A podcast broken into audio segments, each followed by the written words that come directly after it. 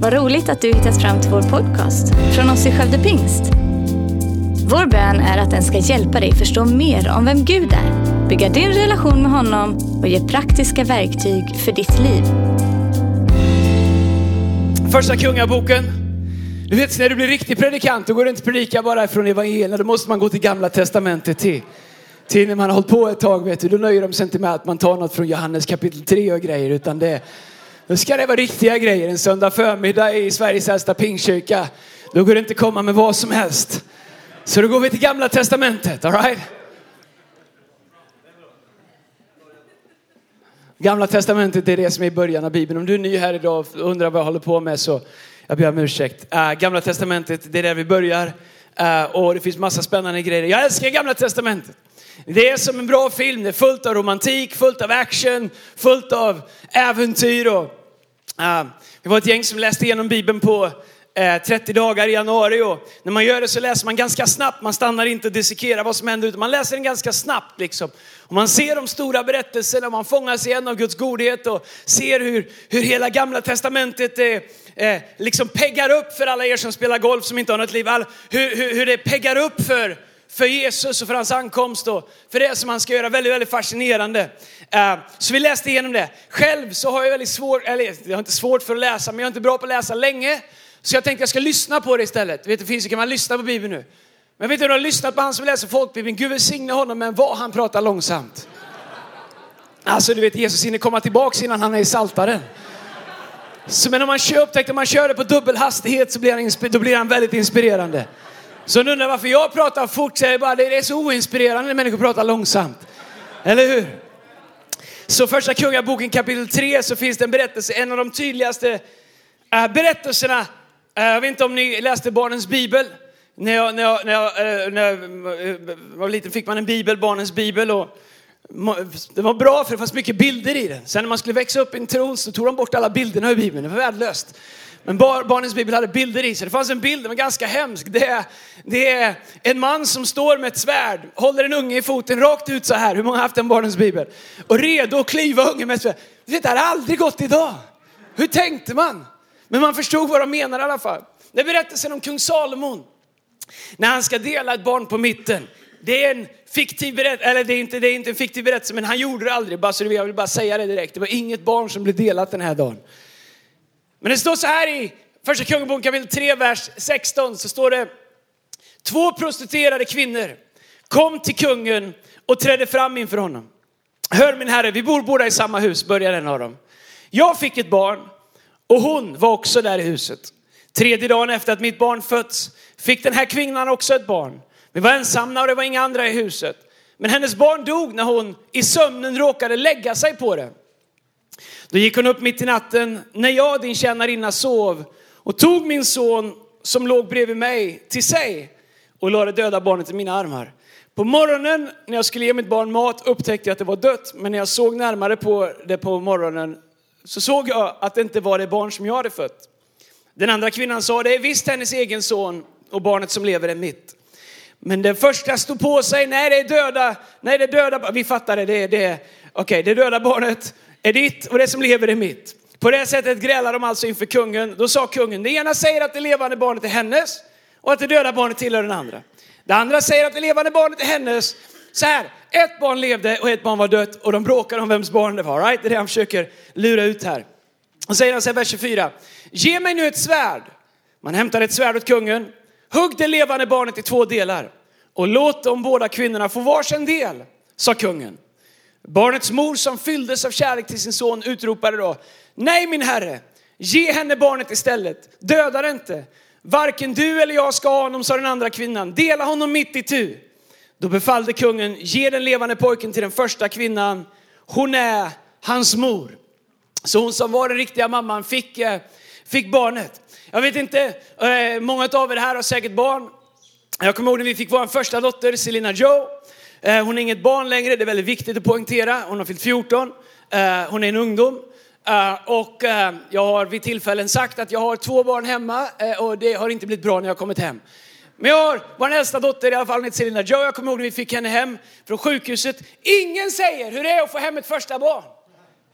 Man får vara där på sjukhuset, allt funkar bra, de, de gör allting. Det, men man är där som, som man är man ganska överflödig. Jag tyckte första förlossningen gick bra. Tog mig igenom den ganska bra tycker jag. Eh, jag tror det tog 28 timmar. Jag stod där och efter 20 timmar så kommer en sköterska när jag står där och dricker kaffe. Jag har stått upp i 20 timmar. En sköterska kommer till mig och säger, du borde nog inte dricka kaffe. Jag bara, va? Nej, det kan vara jobbigt för kvinnor som föder med kaffelukten. Jag sa, jag har stått här i 20 timmar. Hon är fylld med alla droger ni har på hela sjukhuset. Hon mår prima, hon svävar. Men mig har ni inte frågat om jag behöver någonting. Jag har inte fått en spruta, ingen syrgas, ingen massage. Det är ingen som kommer undra hur jag har det. Nu säger ni att jag inte får dricka kaffe. Det, fyll henne med mer droger, vad gör vad ni vill, men jag kommer dricka kaffe i alla fall. Så jag behöll mitt kaffe. Sen föddes hon och allt var bra och bla bla, bla man gör, man gör. Sen helt plötsligt skickar de hem en. Kommer man hem med det här barnet, ingen aning, man vet inte, man vet att de skriker i den änden och det kommer ut andra saker i andra änden. Och sen har man, så hade hon RS-virus, hon var lite förkyld sådär då. Alltså Svårt att andas så hon kan ligga mellan er i någon, i någon mjuk del där, ehm, lyfta upp huvudkudden lite grann bara så hon lättare att andas. Så vi la henne mellan oss och så skulle vi sova. Jag tänkte jag kan inte sova, jag kommer, jag kommer kväva henne. Det går ju inte. Och min fru hon, hon är som en karusell i sängen. Det går så här som en jordfräs i sängen. Det vet de inte vad det är i Stockholm, men ni vet vad det är. Jag har längtat efter ett opportunity för att använda ordet jordfräs i en predikan. Va? Äntligen! Så jag ligger så här. Jag tänker jag kan inte somna. Jag kommer rulla på, Sina Joe. Hon kommer dö. Så jag sover inte på hela första natten. Min fru, vet du, hon har inga sådana tankar. Hon somnar på sekunden. Hon somnar jämt, somnar jättefort, alltid gjort. Jag har svårt att somna, lår, jag kan inte somna. Kommer rulla på henne. Andas hon. När hon inte andas på 0,3 sekunder, är det något fel? Orolig, undrar vad som händer. Jag ligger där. Hur många vet att efter tre nätter så struntar man i hur det går, man bara somnar, det, det klarar sig. Men det som har hänt är att en mamma har somnat på sitt barn. Tänk på de här två barnen. Det står att de var prostituerade kvinnorna, men det betyder inte att de kanske inte hade längtat efter sina barn. En mamma vaknar på morgonen och har somnat på sitt barn. Har somnat på något som de har längtat efter, somnat på något som de kanske hade drömt om, som de hade bett om och som de hade sett andra människor få. Nu hade då hon också blivit mamma till ett barn och så vaknar hon en morgon av att hon har somnat på sitt barn som Bibeln säger. Har du någon gång känt att du har somnat på någonting i ditt liv som var en välsignelse? Har du känt någon gång att du kanske som en förälder som har längtat efter ett barn, som den här berättelsen, en mamma som somnar på sitt barn, på sin välsignelse. Har du känt att du någon gång har somnat på din välsignelse? Något du har stått i tro för, något du har bett om, något du har hoppats på, någonting som du har kanske kommit överens med någon annan om att be om, och något du har längtat efter, något du har fastat för, något du har sått in i. Något du har sett Gud göra för andra människor och du har drömt om att det skulle bli en verklighet i ditt liv men helt plötsligt så är det som att du har somnat på det. Det är inte där längre på det sätt som det en gång var. Någonting händer i oss när vi somnar på våra välsignelser. Någonting händer med vårt hjärta, någonting händer med vårt sätt att se på omgivningen när vi somnar på det som en gång var en välsignelse i våra liv. Hon som hade somnat på sitt barn, hon bestämde sig för att lösa det genom att ta och kräva vad den andra kvinnan hade. Är det inte märkligt någon gång när vi tappar fokus eller blicken på vad Gud har gjort i våra liv? Hur mycket vi börjar fokusera på andra människor. Varför välsignar Gud den där personen så mycket? Varför, vem tror den där att den är? Och det är som att vi, det ligger inom oss och dra allting ner till våran nivå av passion för det som vi en gång hade i våra liv. Och är inte jag lycklig ska ingen annan vara lycklig. Och varför prisar människor Gud så mycket här inne? Nej, jag känner ju ingenting och så är det som den här andra kvinnan som tycker att jag, jag tar vad den andra har och om inte jag får ha det då ska ingen ha någonting. Hon var beredd att döda även det barnet som levde där därför att hon inte längre hade vad hon en gång hade. Har du känt, någonsin känt hur det är du längtar efter och bad om blivit vardagligt och kanske till och med oviktigt? I en kyrka som det här så finns det människor som har vuxit upp i, i Guds hus. Och tack gode Gud för min egen del, för upplevelser jag gjorde när jag var ung och var liten av Guds möten och andedop och andra saker i mitt liv som präglade. Och även under snurriga år i mitt liv och, och vilsna år i mitt liv så fanns det där på insidan och som någon slags förankring som gjorde att det gick inte segla iväg hur långt som helst. Men hur många saker har du i ditt liv som Gud en gång har gjort och som du har drömt om eller som du har fått vara med om men som, om vi är riktigt ärliga, du kanske har somnat på. Det var länge sedan du drömde de där drömmarna. Det var länge sedan du bad de där bönerna. Det var länge sedan det betydde någonting på det där sättet som det en gång betydde. Inte för att du är dålig, inte för att du inte älskar Gud, men för att kanske har du somnat på det som en gång var en välsignelse i ditt liv. Kanske någonting som du var värd och ge, som du var villig att ge allting för. Kan vi både ha och mista om vi inte riktigt är medvetna om vad som sker i våra liv. Guds gåva, Guds kallelse. Gud säger att han aldrig ångrar sina gåvor. Gud säger att han aldrig återkallar sina gåvor. Och grejen är att oavsett hur mycket vi har somnat på saker som Gud har lagt i våra liv så finns de fortfarande där. De dör inte eftersom Gud säger att han aldrig tar dem tillbaka. Men min bön är att du idag under de närmsta fyra timmarna när jag har förmånen att predika här 22 minuter eller 20 minuter. Min bön är att du skulle upptäcka någonting i ditt liv som fortfarande finns där, men kanske har du låtit det somna eller kanske har du låtit det, det, det, dig själv liksom rulla över och lägga dig på det och kanske känner du att det finns inte kvar. Men jag är här idag, inte för att peka ut vad du har somnat på, men för förhoppningsvis för att kunna få ge liv och tala liv in i saker som fortfarande finns, men som du kanske har glömt att du har. Som du kanske trodde var för en period, för en tid, men som du kanske inte tror tro längre finns där. Men Gud min vän, han återkallar inte sin gåva. Han tar inte tillbaks drömmar. Han säger inte att det är för sent. Han säger när vi är trolösa så förblir han trofast. Men jag kommer predika som det är söndag kväll, I don't care. Därför att jag är så inspirerad över den Gud vi har. Och hur stor han är och hur nådefull han är och vilka längder han är beredd att gå till för att visa oss vem han är i våra liv och vad han har lagt i våra liv. Det finns inget bäst före datum för drömmar. Det finns inget bäst före-datum för att tjäna Gud. Det kan se olika ut i olika säsonger. Kanske är du lite äldre och det kanske inte ser ut som det gjorde när du var 17 år och känslorna satt på utsidan och du var villig att göra alla möjliga saker. Det behöver inte se ut så, men passionen kan vara likadan.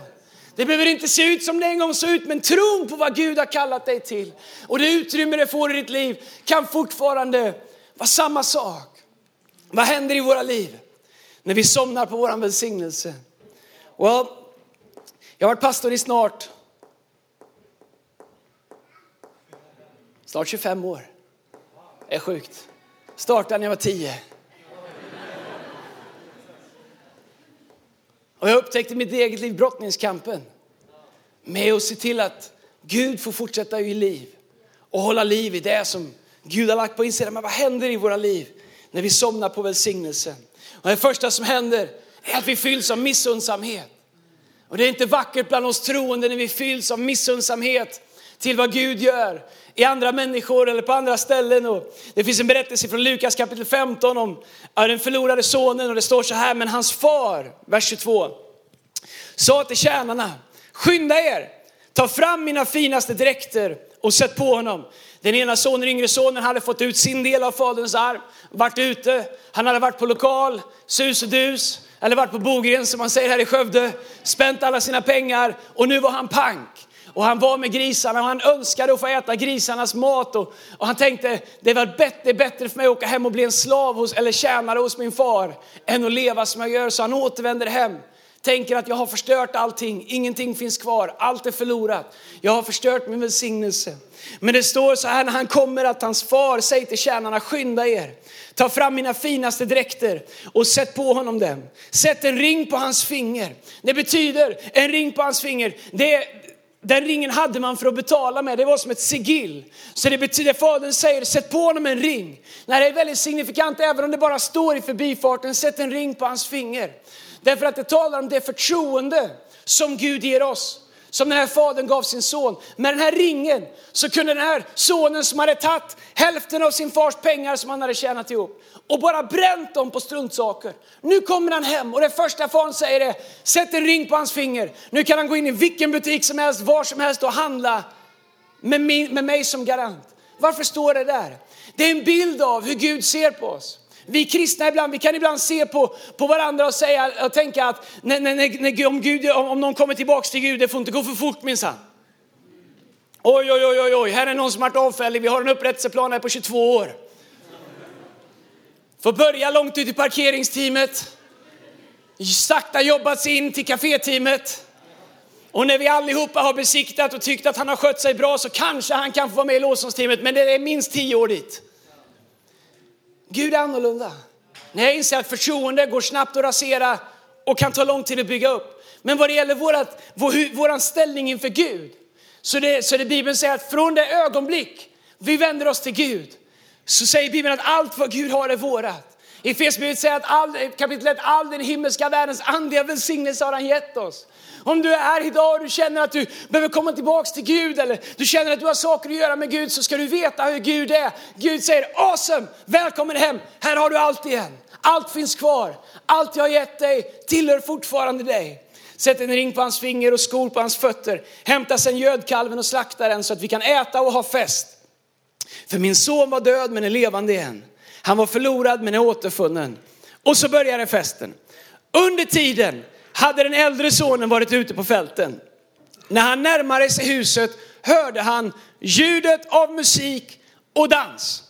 Men jag kan säga att det finns inget värre för en missunnsam person än ljudet av musik och dans. Det finns inget värre för en bitter människa än när någon annan har kul. Va? Har ni fest eller? Vad är det som är så himla roligt egentligen? Sänk musiken! Är jag inte glad ska ingen vara glad. Så han är arg redan innan han vet vad som har hänt för han hör musik och dans. Vad är det för musik och dans? Vad är det för kyrka? Står folk och hoppar här framme. Vad är de så glada för? Det var lite värdigt här inne. Det är heligt. Seriöst. Musik och dans, vad är frågan om? Han kallade, till en, eh, kallade på en av tjänarna och frågade vad det var man firade. Tjänaren svarade, din bror har kommit tillbaks. Och din far har slaktat gödkalven, inte bara vilken kalv som helst utan gödkalven. För att fira att han har kommit hem välbehållen. Då blev den äldre sonen rasande och ville inte gå in i huset. Alltså han är som mina barn när de var mindre och man ska få ut dem i bilen. Och de har bråkat hela vägen om vem som satt fram. Men vad är det med barn att sitta fram? Jag önskar man fick ha en sån här gammal bil med en soffa i fram. Då hade jag löst det. De hade kunnat sitta där båda två. Fortfarande, vi har ett system om vem som sitter fram. Och det hjälper oss otroligt mycket. Det håller ihop oss som familj kan man säga.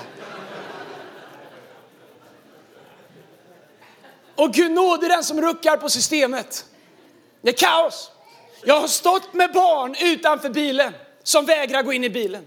Jag har stått med barn som har bråkat i bilen som vägrar gå in i huset. Och här står den här äldre brodern som har allting utanför huset. Jag tänker inte gå in. Jag tänker inte vara med. Vad händer med oss när vi somnar på det vi har? Han säger jag vill inte gå in i huset. Hans far gick där förut och försökte övertala honom. Gick inte. Men han svarade under alla dessa år har jag arbetat hårt. Jag har aldrig varit avfällig. Jag har aldrig varit uppe på Billingehus sent en fredagkväll. Jag har aldrig gjort något dumt. Och nu är ni så himla glada för att det har kommit någon här. Alla verkar vara så glada att han är frälst. Men jag då? Jag har ju skottat här ute sedan Jesus gick här. Om du tror att han gick i Skövde kan jag säga att han gjorde inte det. Ingen som har haft någon fest för mig eller slaktat någon kalv för mig. Jag har gjort allt som du har bett mig om. Ändå har du inte gett mig ens en killing. Så att jag kunde ha fest med mina vänner. Han hade garanterat inga vänner. Men nu när den är din son, nu är det inte hans bror längre. Nu när den är din son kommer hem, slösar den. Och alla sparare sa. Ni är för unga för att spara och slösa, men det kan, det kan ni fråga pastor Sven om som har gjort slut på dina pengar tillsammans med prostituerade. Då firar du med att slakta gödkalven. Mitt barn, sa fadern till honom. Du är alltid hos mig och allt jag äger är ditt. Men nu måste vi vara glada och fira detta. För din bror var död men är levande igen. Han var förlorad men är återfunnen. Någonting händer med våra hjärtan när vi somnar på våra välsignelser. Storebror har helt missat att han har allt. Han har helt missat att han har allt i sina händer. Att han har tillgång till allt. Hans far säger, min son, du är ju alltid hos mig. Allt det här är ditt. Allt har du. Du kan slakta en kalv när du vill. Du kan välja dina egna kläder. Du har tillgång till alla mina pengar. Du har, du har min kärlek. Du har allting. Men han har somnat på, han har, han har, han har missat vad han har. Och nu står han utanför och är arg för att fadern är glad för hans förlorade son har kommit tillbaks. Det som händer när vi somnar på vad Gud har gjort i våra liv. Det som händer när vi somnar på vad Gud har gjort i våra hjärtan. När vi somnar på de välsignelser som Gud har gett oss. Är att vi börjar föra bok över att vi tycker att så där kan det inte gå till. Så där glada kan de inte vara. Och det där är fejkat och det där är inte bra. Men vi vet aldrig, jag säger det till våran kyrka, aldrig att du får döma någon som står bredvid dig och är lite extra glad i lovsången. Därför att du vet vet inte vad de har gått igenom. Du vet inte vad Gud har gjort i deras hjärtan. Och vi kan stå här färdiga, och jag vet inte ni här men hemma hos oss, prydliga och, och, och, fina och präktiga och tycka liksom att jag är lite värdig och jag lyfter händerna på ett heligt sätt. Och så står det någon stolle så här bredvid dig. Men du vet inte vad den är tacksam för. Du vet inte. Kanske för att jag har börjat somna på min välsignelse. Jag tänker, oh, den låten igen, det är en sån här låt. Nu kommer en sån och en sån och en sån och en sån. Du vet så här, och man går igenom rutinerna och eh, så här står man inte man lågsjung, men man tycker liksom, åh, så står det någon stolle bredvid dig så här. Men du vet inte, du vet inte vad han firar. Men ett hjärta som har börjat somna på sina välsignelser, ser med förakt på någon annans tacksamhet och har svårt att förstå en Gud som är nådefull mot dem som inte förtjänar det. Men när vi håller liv i våra välsignelser när vi håller liv i vad Gud har gett oss. När vi låter det få brinna på insidan som Paulus säger till Timoteus. Återuppliva gåvan du fick. Engelska översättningen säger stir up. Rör upp det som du har på insidan. Påminn dig själv om vad Gud har gjort. Det andra som händer när vi somnar på våra välsignelser, oroa inte, det kommer några bra saker på slutet. Det är att vi lätt blir cyniska. Jag ser i mitt eget hjärta. I andra Mosebok finns det ett bibelställe i Eh, kapitel 18 om Abraham och Sara. De har väntat på att få barn väldigt länge. Abraham är nästan 100 år och Sara ligger inte långt efter.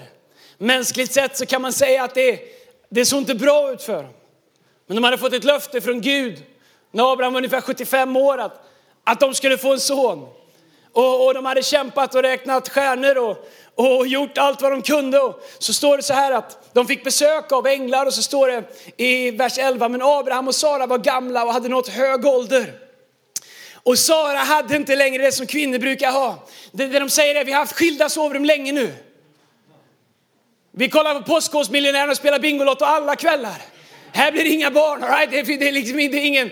Okej, ni vet inte vad barn blir till här, men det de säger är det är vad det är, men det är inte vad det brukar vara, okej? Okay? Sara log inom sig och tänkte, ska jag få känna åtrå när jag är utsliten och min herre är gammal? Hon hade sett honom i duschen. Herren sa till Abraham, varför log Sara och tänkte, ska jag föda barn? Jag som är så gammal. Skulle något vara omöjligt för Herren? Vid den bestämda tiden nästa år så kommer jag tillbaks till dig och då ska Sara ha en son. Då nekade Sara och sa, jag log inte, för hon blev rädd. Men han sa, jo, du log. Så Sara gör två fel. Hon ler åt det Gud säger och sen säger han att hon inte gjorde det. Det går inte att lura Gud. Gud säger, jo, du log. Okej, okay, jag log. Men här är grejen med Sara. Sara är lite längre bort så som jag ser det inom mig i min egen fantasi. Och, och Abraham han säger, kom on, slakta kalven, ta fram lite bra mjölk, se till att vi har en fest. Han försöker få de här änglarna att stanna kvar, de här gästerna, förklädda eh, änglar, eh, änglar förklädda, förklädda till människor som kommer och stannar där. Och han säger, stanna kvar, ät med oss, var hos oss. Och när de sitter där och äter så är Sara lite längre bort och hon hör den ena säga till Abraham, Abraham vid den här tiden nästa år så kommer vi tillbaks. Då ska du ha fått ett son, eh, ett son, fått en son. Sara är borta och Bibeln säger att hon log. jo visst, absolut. Verkligen. Absolut. Har du varit med någon gång när du är i ett sammanhang och man drömmer, man har visioner om vad vi ska göra. Men kanske är du som jag ibland har känt, men man har sett allting förut, man har hört allting förut. Och det kommer upp någon ung eller någon annan eller äldre, vad den är, uppeldad och talar om vad Gud ska göra. Det, Gud kan göra det här och Gud är densamme igår, idag som han var igår. Och Gud är för dig, Gud är med dig, ingenting är omöjligt för den som tror. Och du, Ja, ja, absolut. Jag har hört det där förut. Hört den predikan också förut. Ja, förlorade sonen, den berättelsen kan jag. Våra hjärtan blir cyniska när vi somnar på det som Gud har gett oss. Och jag är här hela tiden. Vi har, det känns som vi har en miljon möten varenda helg. Det är möten och möten och campusar och det är alltid någon predikan som ska göras. Och ibland ska jag komma på mig själv och bara känna, jag har hört det förut, jag har sett det förut. Det finns inget nytt under solen. Och man lyssnar på någon som predikar, den predikan kan jag, den hade jag predikat så istället för så. Och så säger det ibland som att den helige ande bara äh, liksom stoppar oss när vi är och säger, hej! Det där är inte ett hjärta som jag har gett dig. Det där är ingenting som jag har lagt inom dig. Det var inte det där du fick. Det där som Paulus talar till Timoteus om, gåvan han fick när han och, och mormor eller svärmor eller farmor som la händerna på dem. Det där är inte vad du har. Det som är sant, det som är rätt, det som är rent, det som är upphöjt, säger Paulus. Tänk på de sakerna. Bevara ditt hjärta rent, för därifrån utgår livet. Men när vi somnar på vad Gud har gjort och vi blir likgiltiga så Helt plötsligt när vi hör om vad Gud gör, vi läser om vad Gud har gjort och vi, vi hör berättelser och vittnesbörd och ja, ja, jo, jo, absolut, det var nog så. Någon kommer och säger, vet du, jag blev helad. Jo, jag vet ju att du var hos doktorn. Men tänk om Gud helar genom doktorn då? Nej, låt oss aldrig hamna i ett fack där vi blir cyniska, blir som Sara. Utan vi är som Abraham, han säger stanna kvar, berätta mer. Det står att när allt hopp var ute så hoppades han ändå, Abraham. Romarbrevet 4 och 17 säger att han kallade, det här är 1917 års översättning, han kallade på ting som inte fanns som om de redan fanns. Han bytte namn från Abraham, vilket betyder barnlös, när han inte hade någon unge, när han var nästan hundra, till Abraham som betyder pappa till nationer. Antingen hade han världens hybris eller så hade han en förmåga att bara tro Gud om vad Gud säger. Det tredje som händer när vi tappar och somnar på vår välsignelse, det är att vi blir provocerade av andras passion. Jag älskar den här berättelsen eh, om David i Andra Samuelsboken kapitel 6. Då David har återerövrat förbundsarken, Guds närvaro. De bär den in i staden och, och David och alla hans män de kommer bärande på förbundsarken. Där inne var Guds närvaro, där inne var, var, var, var liksom the, the presence of God var där inne. Och det är samma närvaro, samma förbundsark som stod innanför förlåten när Jesus dog och sa att det är fullbordat så brast förlåten och Guds närvaro släpptes ut fri eh, så att vi allihopa kan leva i det. Men på den tiden så, så, så bar man den i förbundsarken. Och David står, han var så glad. Han var så glad. Så när de bar den här så gick de sex steg. En, två, tre, fyra, fem, sex. Och på sjunde steget så ställde de ner förbundsarken och sen så firade de.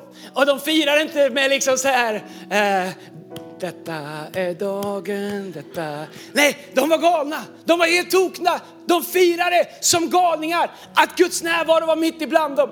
Och det står så här i Andra Sångsboken kapitel 6, vers 13. För varje gång de män som bar Herrens ark hade gått sex steg offrade David en tjur och en gödkalv. Var sjätte steg! Ta hit en kossa! Vi är på fyra, det är bara två steg kvar. Hur långsamt går man då? Hur tacksam är man över Guds närvaro om man tycker att det är rimligt? David som var klädd i linne och dansar inför Herren av hela sin kraft. Han var kung. Medan han och hela Israels folk under jubelrop och hornmusik förde hem Herrens ark. När Herrens ark kom in i Davids stad såg Mikael, Sauls dotter, alltså hans fru, ut genom fönstret hur kung David hoppade och dansade inför Herren och hon föraktade honom. Varför? Han var för glad. Så där glad är inte rimligt att vara.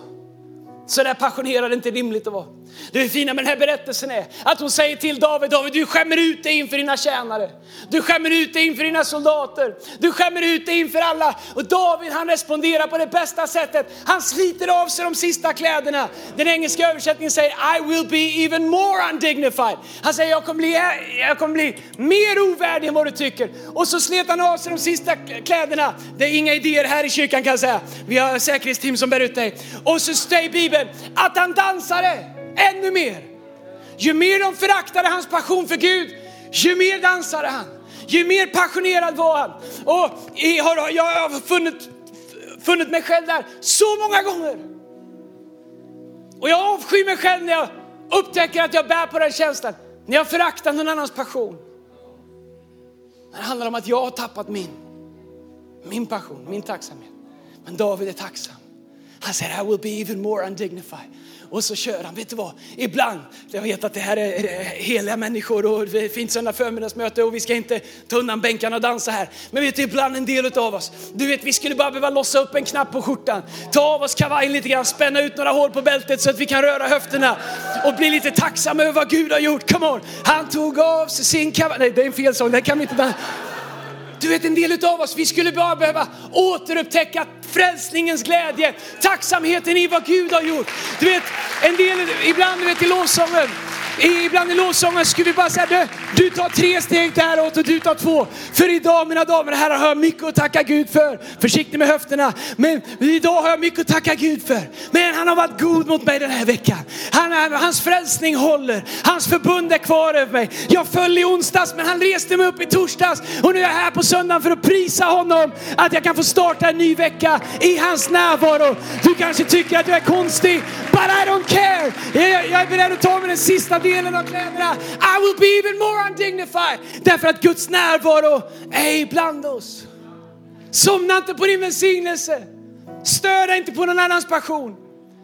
Jag är så tacksam för ungdomarna som står hemma och hoppar.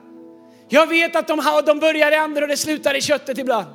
Jag vet att det blir lite för mycket emotionellt. Jag vet att det, men vet du vad? Jag ser hellre att de hoppar i lovsången än står och hoppar ner på Sergels torg. I Jesu namn. Och jag kommer slåss till det sista andetaget jag har för att göra utrymme för varje generation att få uttrycka sin passion. Du måste inte vara som någon annan, du måste inte vara extrovert, du kan göra på ditt sätt. Men tappa inte frälsningens glädje. Låt dig inte provoceras av någon annans passion bara för att du har låtit det somna lite på insidan. Utan väck upp det du har på insidan i Jesu namn. Gud, han ångrar aldrig sina gåvor. Gud tar aldrig tillbaka vad han har lovat. Bibeln säger han som har startat ett gott verk i oss, han är trofast och rättfärdig och han ska fullborda det. Även in i Kristi dag. Så det är inte ens vi som behöver fullborda det Gud har lagt i våra liv. Vi behöver bara stanna med Jesus.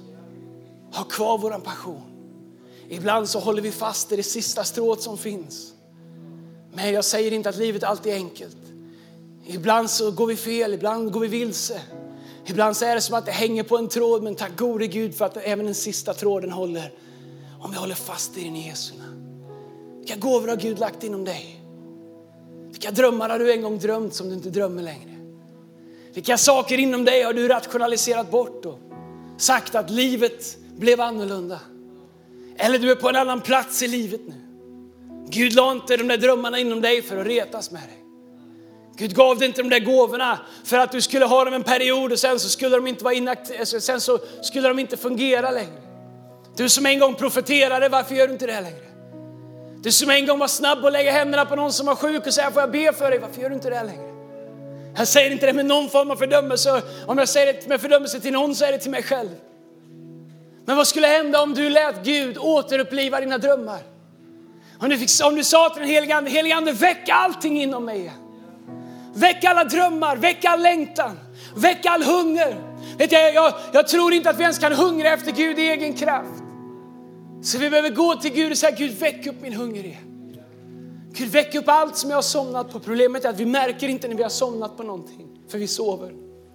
Vi menar inte att rulla över på det och låta det kvävas och inte få plats längre. Det är bara det att vi somnar.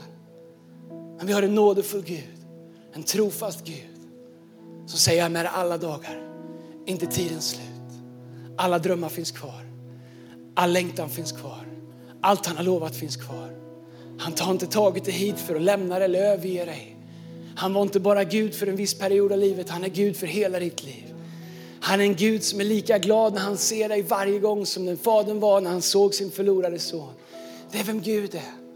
Han är Emanuel, Gud med oss. Våran Gud, hela livets Gud. Min bön är att överallt i våra liv där vi har somnat på Guds välsignelse, där vi har somnat på vår passion, där vi har somnat på våra drömmar. där vi kanske till och med har låtit cynism och kanske till och med missunnsamhet komma in i våra hjärtan gentemot vad Gud gör i andra människor. Och vi låter det hålla oss tillbaks, att vi skulle låta det få ge vika och lämna oss och få tillbaks den här passionen och frälsningsglädjen över det som Gud har lovat och det som Gud är i våra liv i Jesu namn. Tack för att du lyssnat. Dela gärna podden med dina vänner och glöm inte att prenumerera så du inte missar nästa predikan. Om du har några frågor eller vill att vi ska be eller tacka för något tillsammans med dig så får du gärna höra av dig till kyrkan skövdepingst.se. För oss är veckans höjdpunkt söndagens gudstjänst och det vore så kul att träffa dig där. Våra team finns då redo att ta emot dig och det finns även egna samlingar för barnen. Du hittar mer information om oss, vilka vi är och våra olika mötesplatser på skövdepingst.se. Gud välsigne dig och ha en fortsatt bra vecka.